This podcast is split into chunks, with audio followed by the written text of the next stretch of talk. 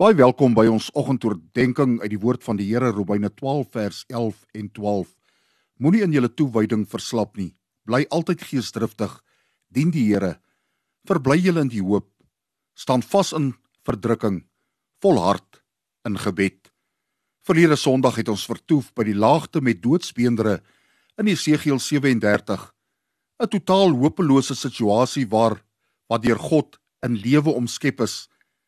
Deur sy woord en gees blaas God lewe in dooie beendere en is die boodskap dat ons altyd moet onthou wie God is en dat niks maar niks vir hom onmoontlik is nie. Ek het hierdie week die wonderlikste getuienis van Ansie van Terg nuut ontvang en ek wens so sy kon dit self vir julle vertel, maar ek gaan my bes doen om dit namens haar te doen. Dit het my so inspireer en ek hoop dat dit dieselfde vir julle gaan doen. Niks is vir ons almagtige God onmoontlik nie, het Ansie vir my gesê. Sy en haar familie is die getuies daarvan. Sy vertel: My dogter Isel en haar man Neil was vir 15 in werktrou bevrugtings om swanger te word, waarvan 14 nie gewerk het nie.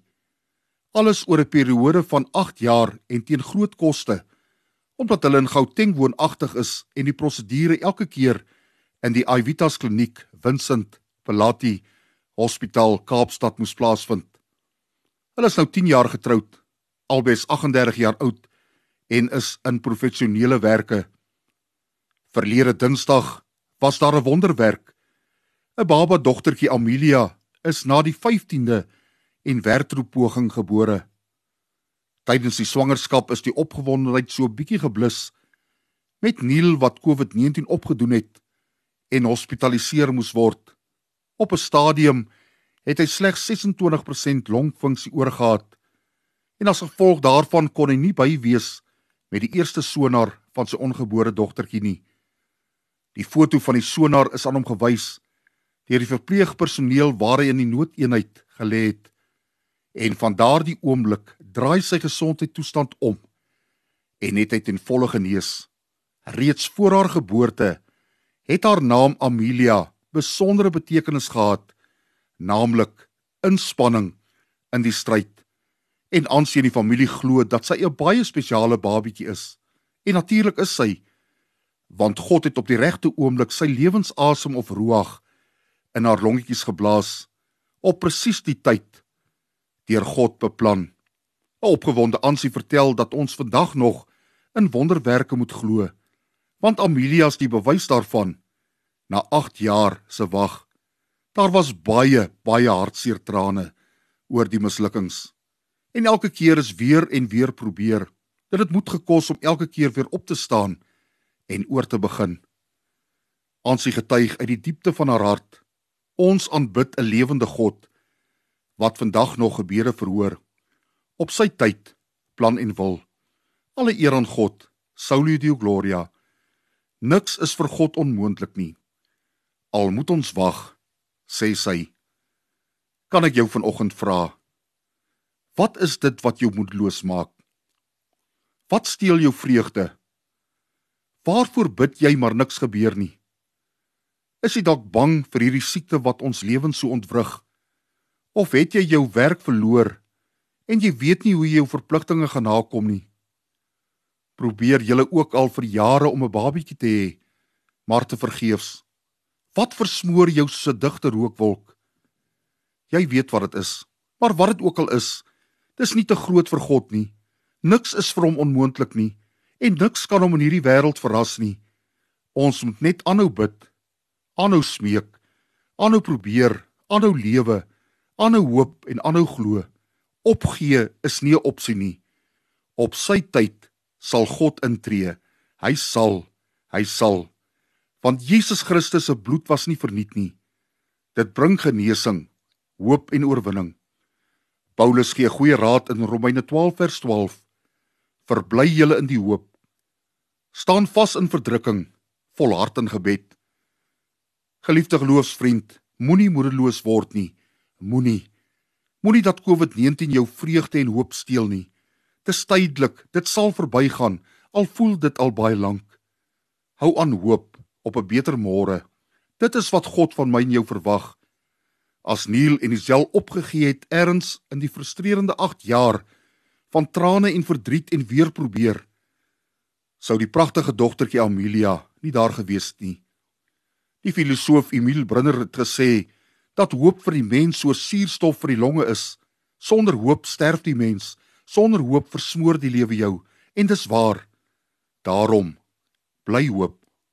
Tweedens sê Paulus dat ons moet vas staan in verdrukking. Alles gaan nie net voor die wind met ons gaan nie. Slegte dinge kom ons almal oor.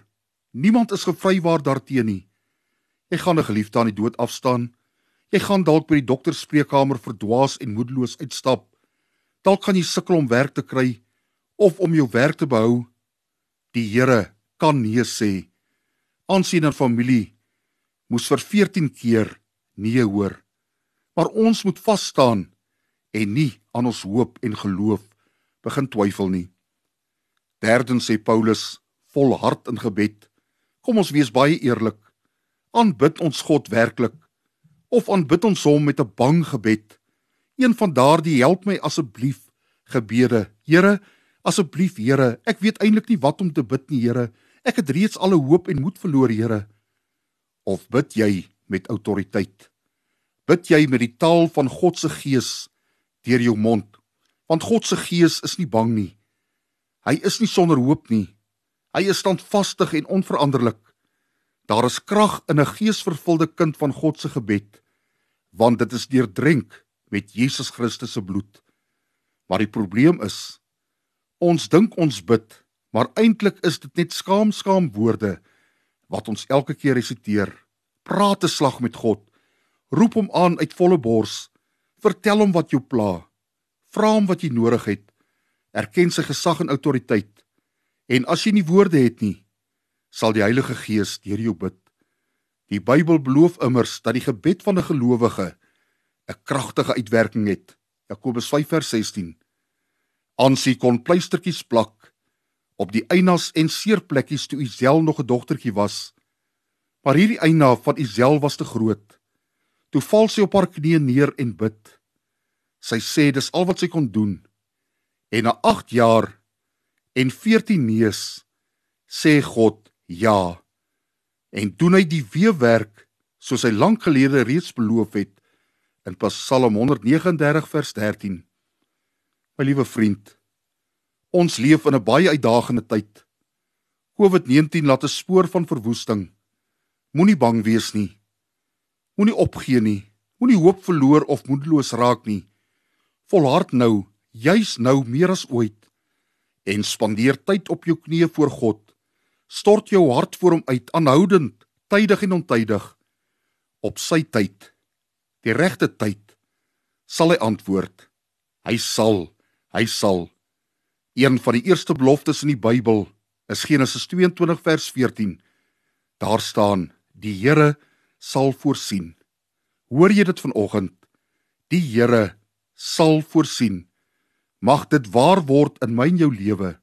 Nes vir Ansie Chris, Isel Neil en Amelia.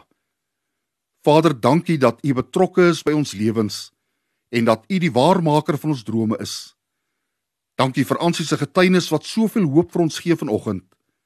Help ons om nooit hoop te verloor nie, maar altyd standvastig te wees, te volhard in gebed in die naam van Jesus Christus met danksegging.